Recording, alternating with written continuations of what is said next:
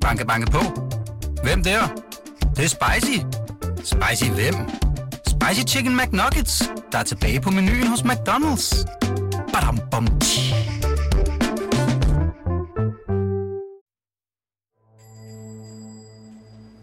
Vi er i en lille souvenirbutik på Frederiksborggade i København.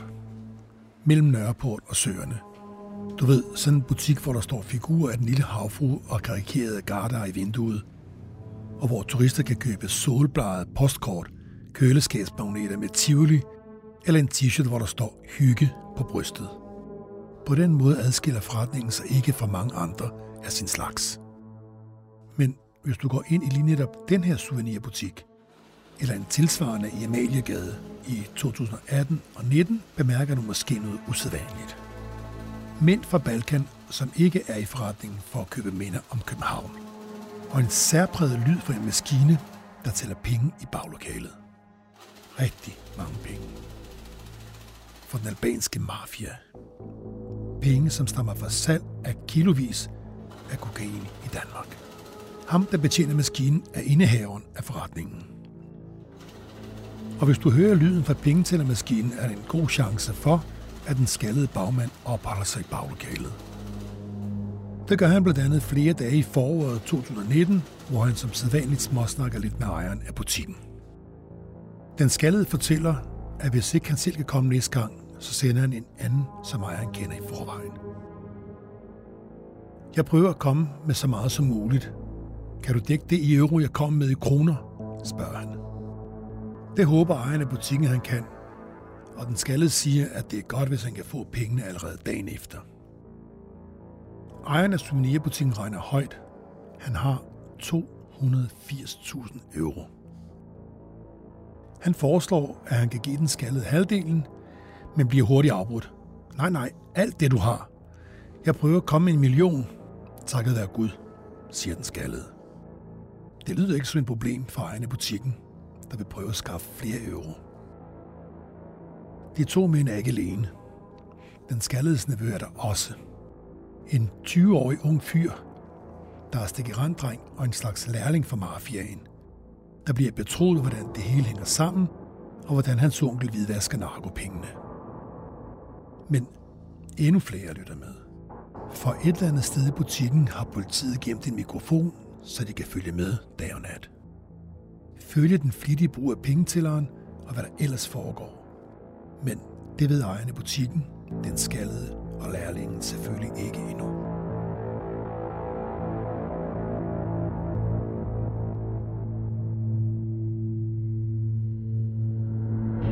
Der er sket en betydelig stigning i forbruget af kokain herhjemme, og især en kriminel organisation har sat sig solidt på markedet. Det har de gjort ved at dumpe priserne og levere et produkt, der er langt renere, end hvad man tidligere har set. Og hvis du har taget kokain inden for de seneste 10 år, ja, så har du højst sandsynligt taget noget, der på et eller andet tidspunkt har været gennem hænderne på den albanske mafia. De har tjent styrtende med penge på det danske kokainmarked, og 25 millioner af dem er ind i to souvenirbutikker i København, der har givet penge centralt for mafiaen.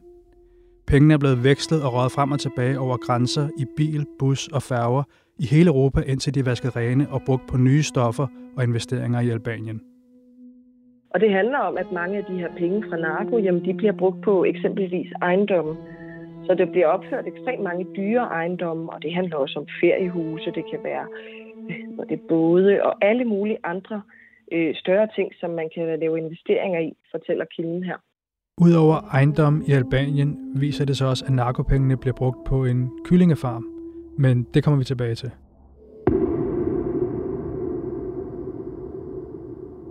Er altså tale om et særdeles organiseret og professionelt netværk af narkohandel og indsmugling af narko i Danmark.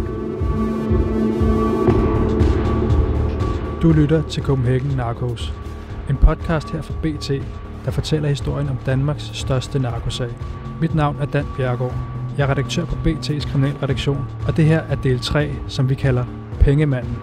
Og du har allerede mødt ham. Pengemanden er nemlig ejeren af den lille souvenirbutik. Den, der har en hæftig trafik af mænd fra Balkan, der skal ind og tælle penge i baglokalet.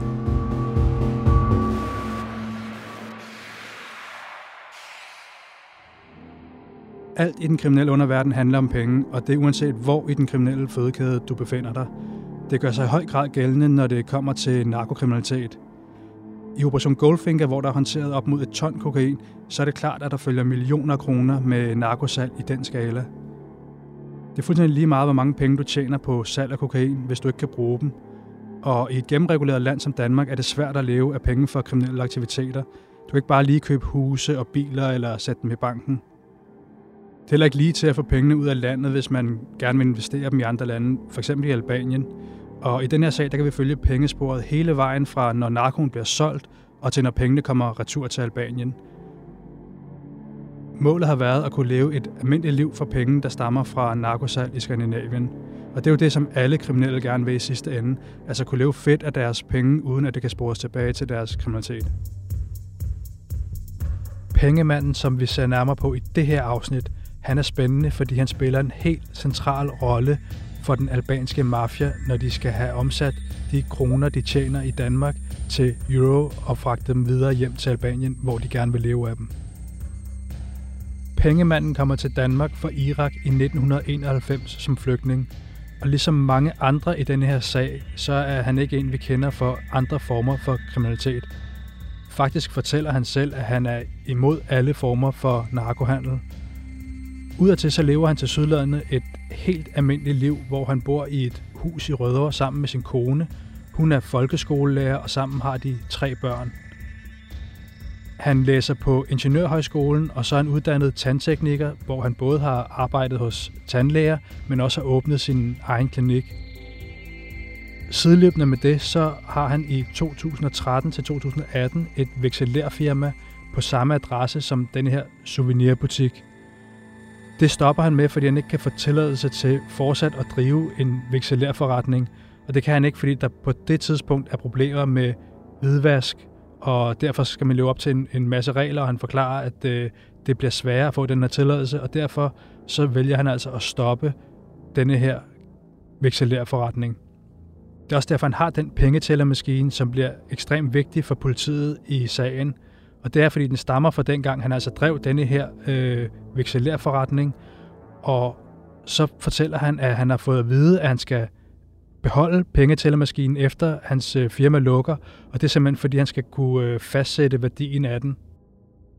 Der er to souvenirbutikker i København, som den albanske mafia bruger til at veksle deres penge fra narkosal. Der er Pengemandens ved Nørreport station i København, og så er der hans fætter, som har en lignende souvenirbutik, der ligger i Amaliegade, og som fungerer fuldstændig efter samme fremgangsmåde.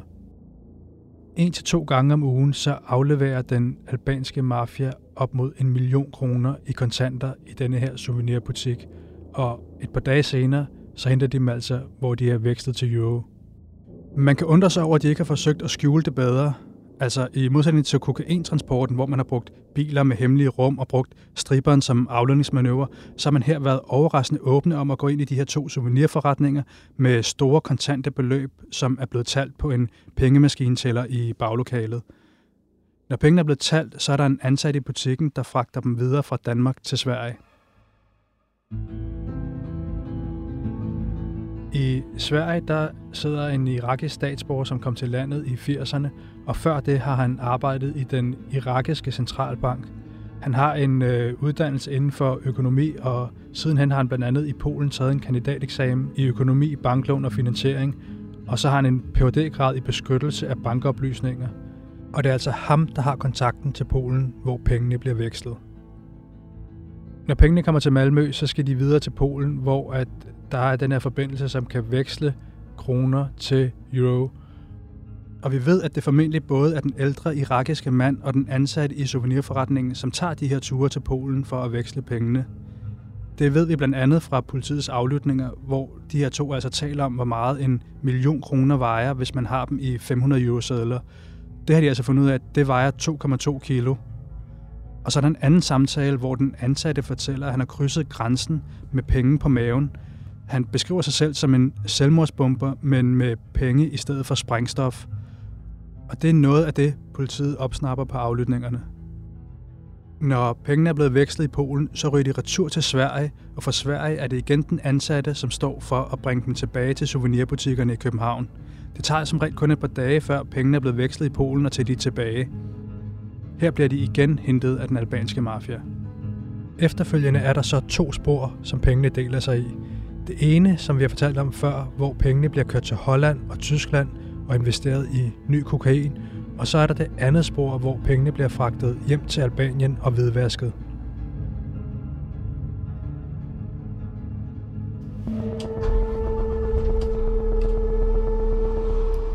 Hver lørdag kører der en turistbus fra København til Makedonien. Det er en albansk mand i 30'erne, der ejer det lille busselskab. Det er ikke en stor forretning, og ofte sidder han selv bag rattet, når bussen forlader København og sætter kursen sydøst på. Det er nogle lange ture, og det er måske på de europæiske motorveje, han drømmer om at udvide virksomheden. Han har allerede set sig lur på et kontor i Københavns Nordvestkvarter. Ikke noget prangende, men helt perfekt til et busselskab, hvor der er under 10 ansatte.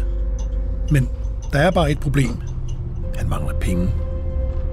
Ejeren har talt med en af chaufførerne, og har også fået sagt, at han desværre ikke har råd til det, men det har chaufføren en løsning på. Han kender en mand, der kan skaffe pengene. Han sætter ejeren i kontakt med manden, som går med til at udlåne pengene, så buschauffør kan få sin drøm om lokalerne i Nordvest opfyldt. Den skaldede mand fortæller, at han ejer restauranter, pizzeriaer og caféer i Danmark, og har brug for hjælp til at få penge til Albanien. Albanien ligger jo lige ved siden af Makedonien, hvor busejerens busser kører til hver lørdag. Så det er helt perfekt.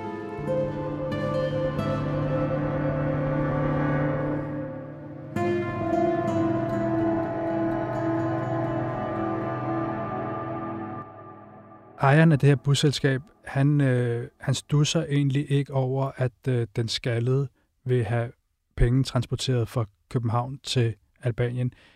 Det, det siger han er meget normalt, og han beskriver blandt andet, hvordan at øh, Makedonien er et, øh, et korrupt land, så han siger, hvis man overfører penge fra for eksempel Danmark via en bank, og så til de her lande, jamen så er man ikke engang sikker på at få dem, øh, når de kommer frem til, til landet.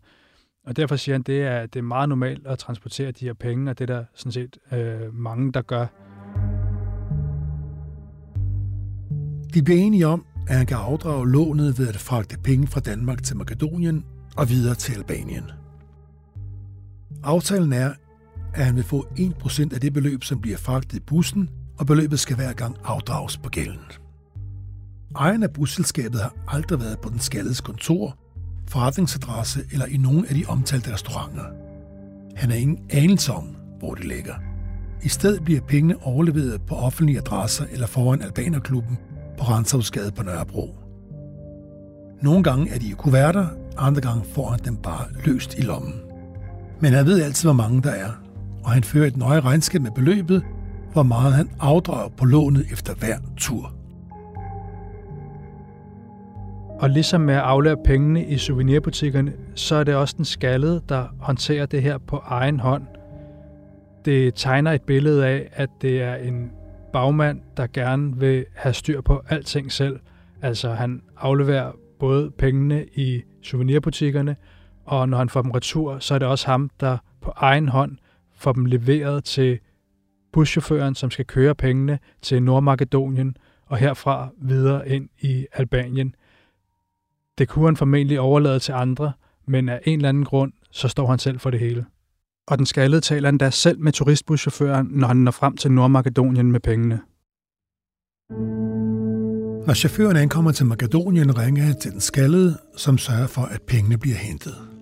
Det taler de åbent om i telefonen. Han ved godt, at loven siger, at man skal deklarere alt over 10.000 euro, men virkeligheden er en anden. Makedonien er et korrupt land, så han stikker bare tollerne mellem 10 og 50 euro for at køre over grænsen. Så bliver der ikke stillet nogen spørgsmål. Ejeren af busselskabet er snart færdig med at afdrage lånet, og det er han formentlig glad for. På en af de sidste ture gør han, som han plejer. Stopper ved grænsen, har imellem 10 til 50 euro klar og venter bare på at komme videre. Men noget går galt. Han bliver trukket til siden af tollerne, og bestikkelsen virker ikke. De tager 90.000 euro fra ham. 90.000 euro, der tilhører den skaldede. Han var så tæt på at have afdraget alt, han manglede. Så tæt på målstregen. Han ved, at pengene skal betales tilbage, så nu gælder mange dobbelt. Han skylder 90.000 euro til den skaldede. Og den eneste måde, han kan afdrage på, er ved at fortsætte med at køre penge for den albanske mafia.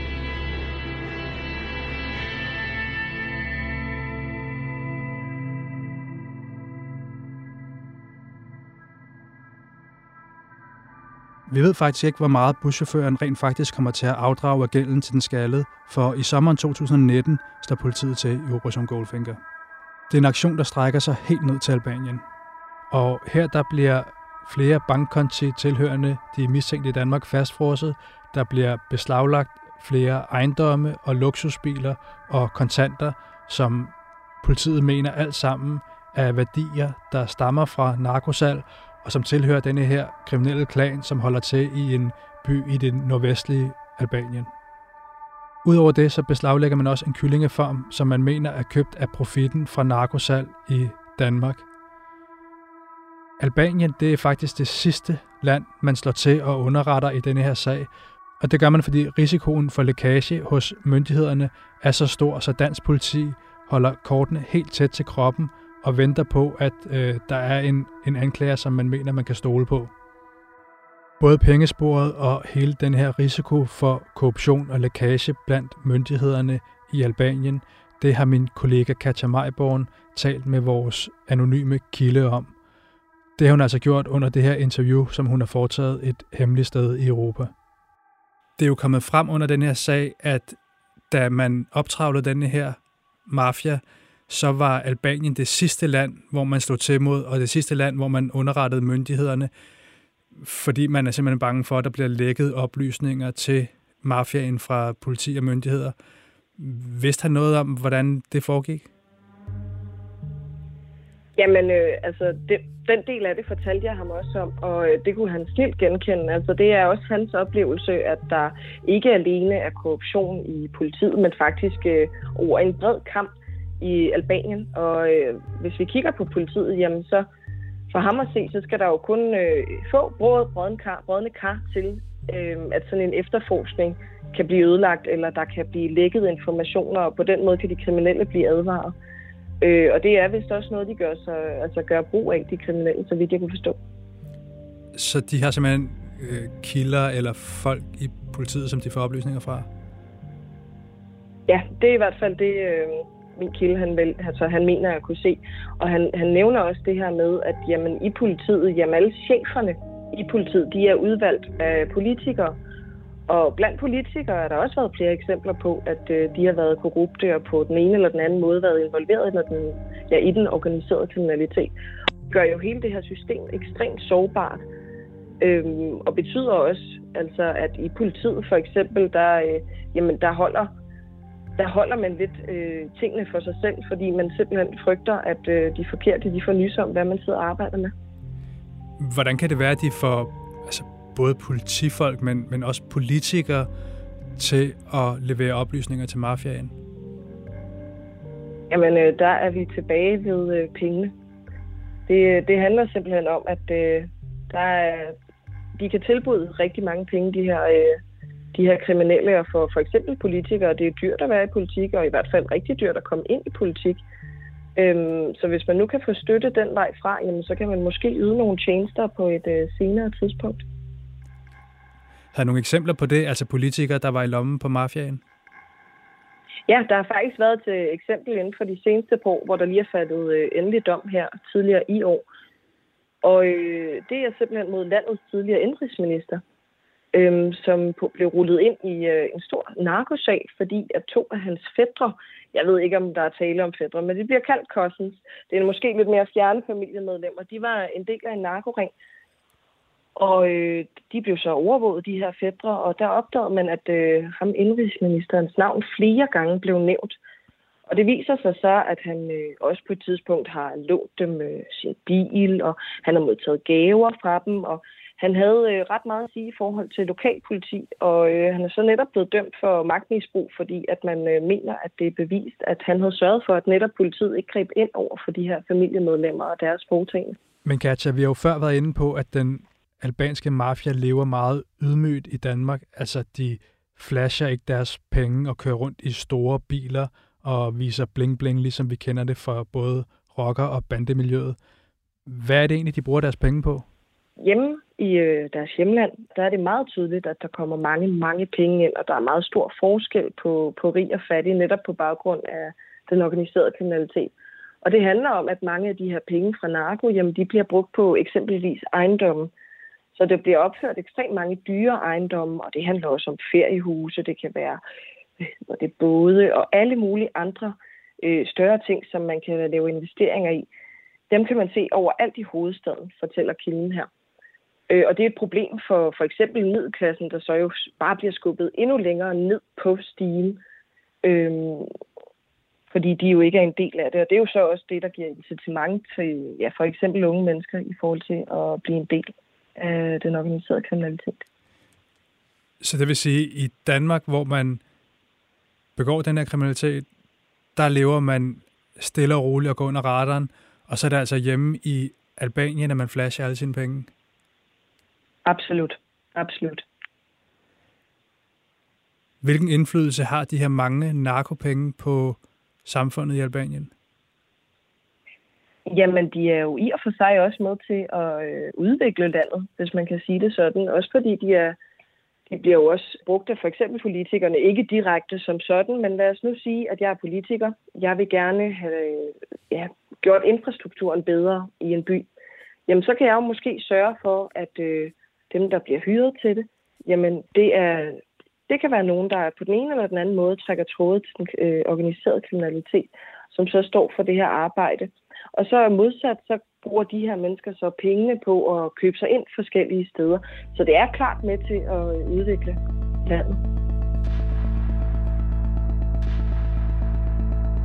Men som jeg tidligere har løftet lidt af sløret for, så er det ikke kun ejendomme og biler, som narkopengene, der er blevet talt op i Pengemandens souvenirbutik i København, bliver brugt på. Du hørte rigtigt, da jeg i begyndelsen af det her afsnit nævnte en kyllingefarm.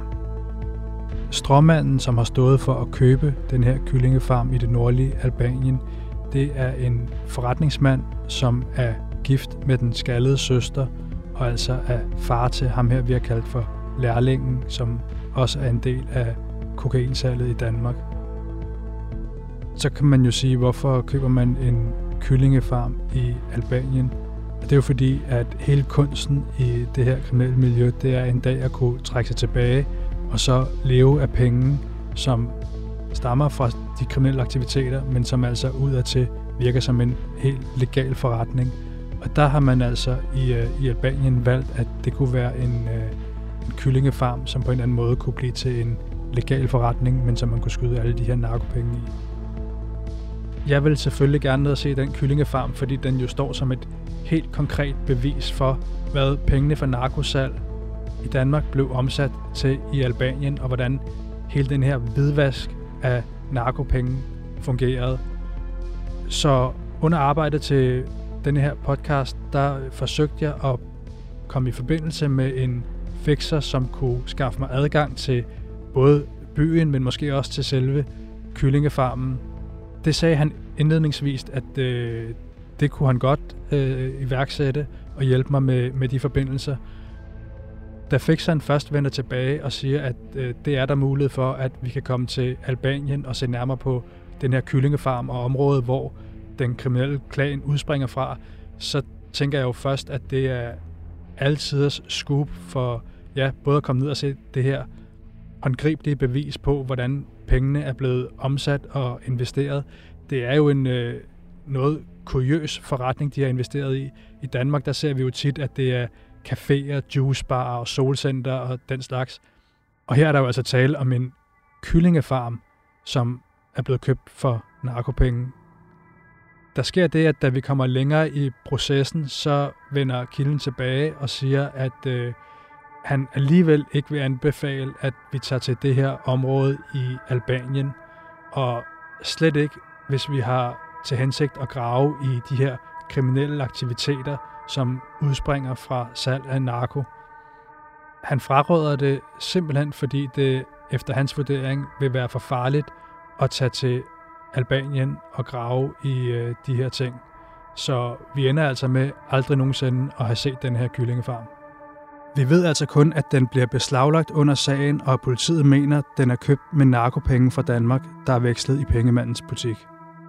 Pengemanden han siger selv, at han er imod al narkohandel, og i lighed med rigtig mange andre i den her sag, så øh, understreger han også, at han ikke kender nogen af de tiltalte, han kender slægten ikke skaldede, og selvom der er videoovervågning, der viser, at den skaldede har været inde i butikken, og de har hilst på hinanden, øh, så øh, så siger han, jamen øh, det var bare almindelige kunder, der kom ind i den her souvenirbutik, og det er almindeligt i Danmark, at man giver hånd til hinanden.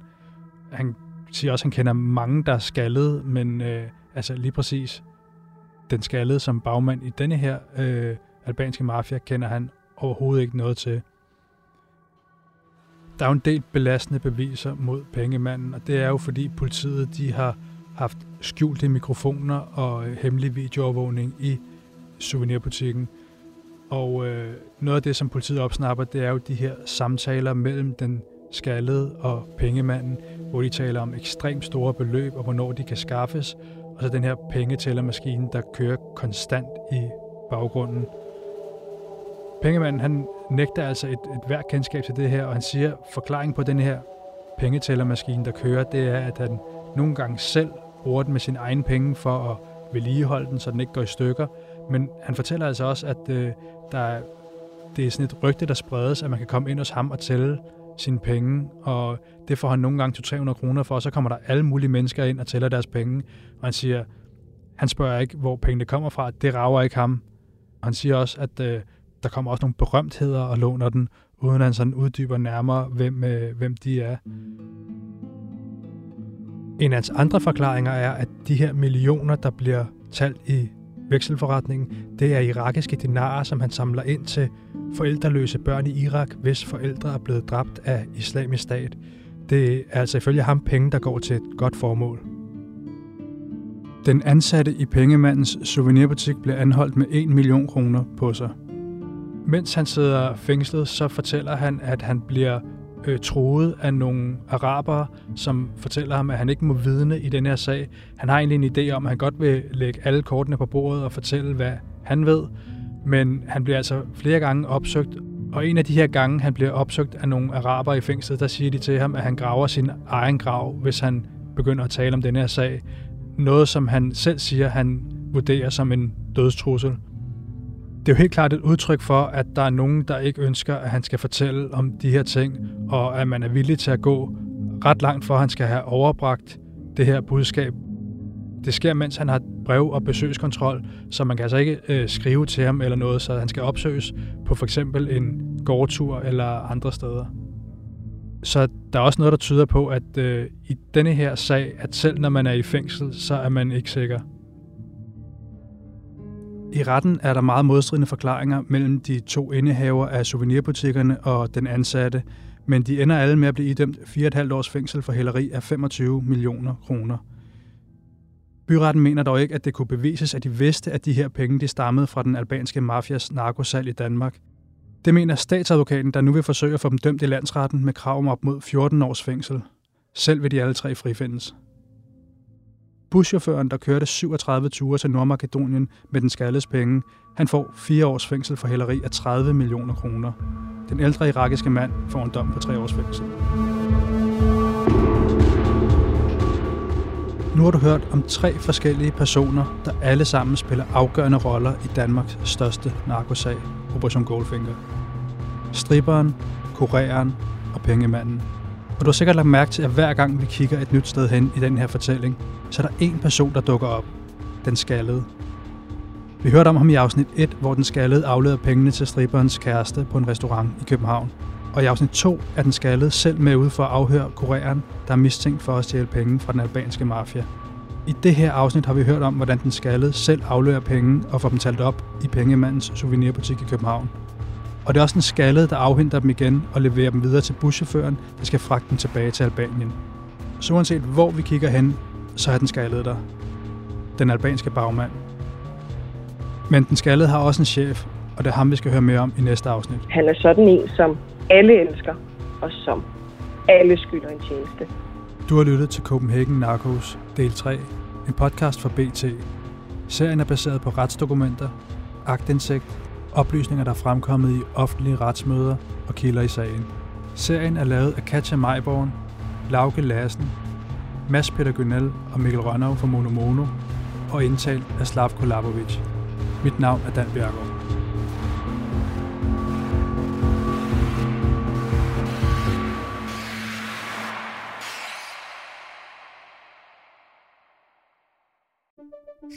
Banke, banke på. Hvem der? Det, er spicy. Spicy hvem? Spicy Chicken McNuggets, der er tilbage på menuen hos McDonald's. Badum, bom, tji.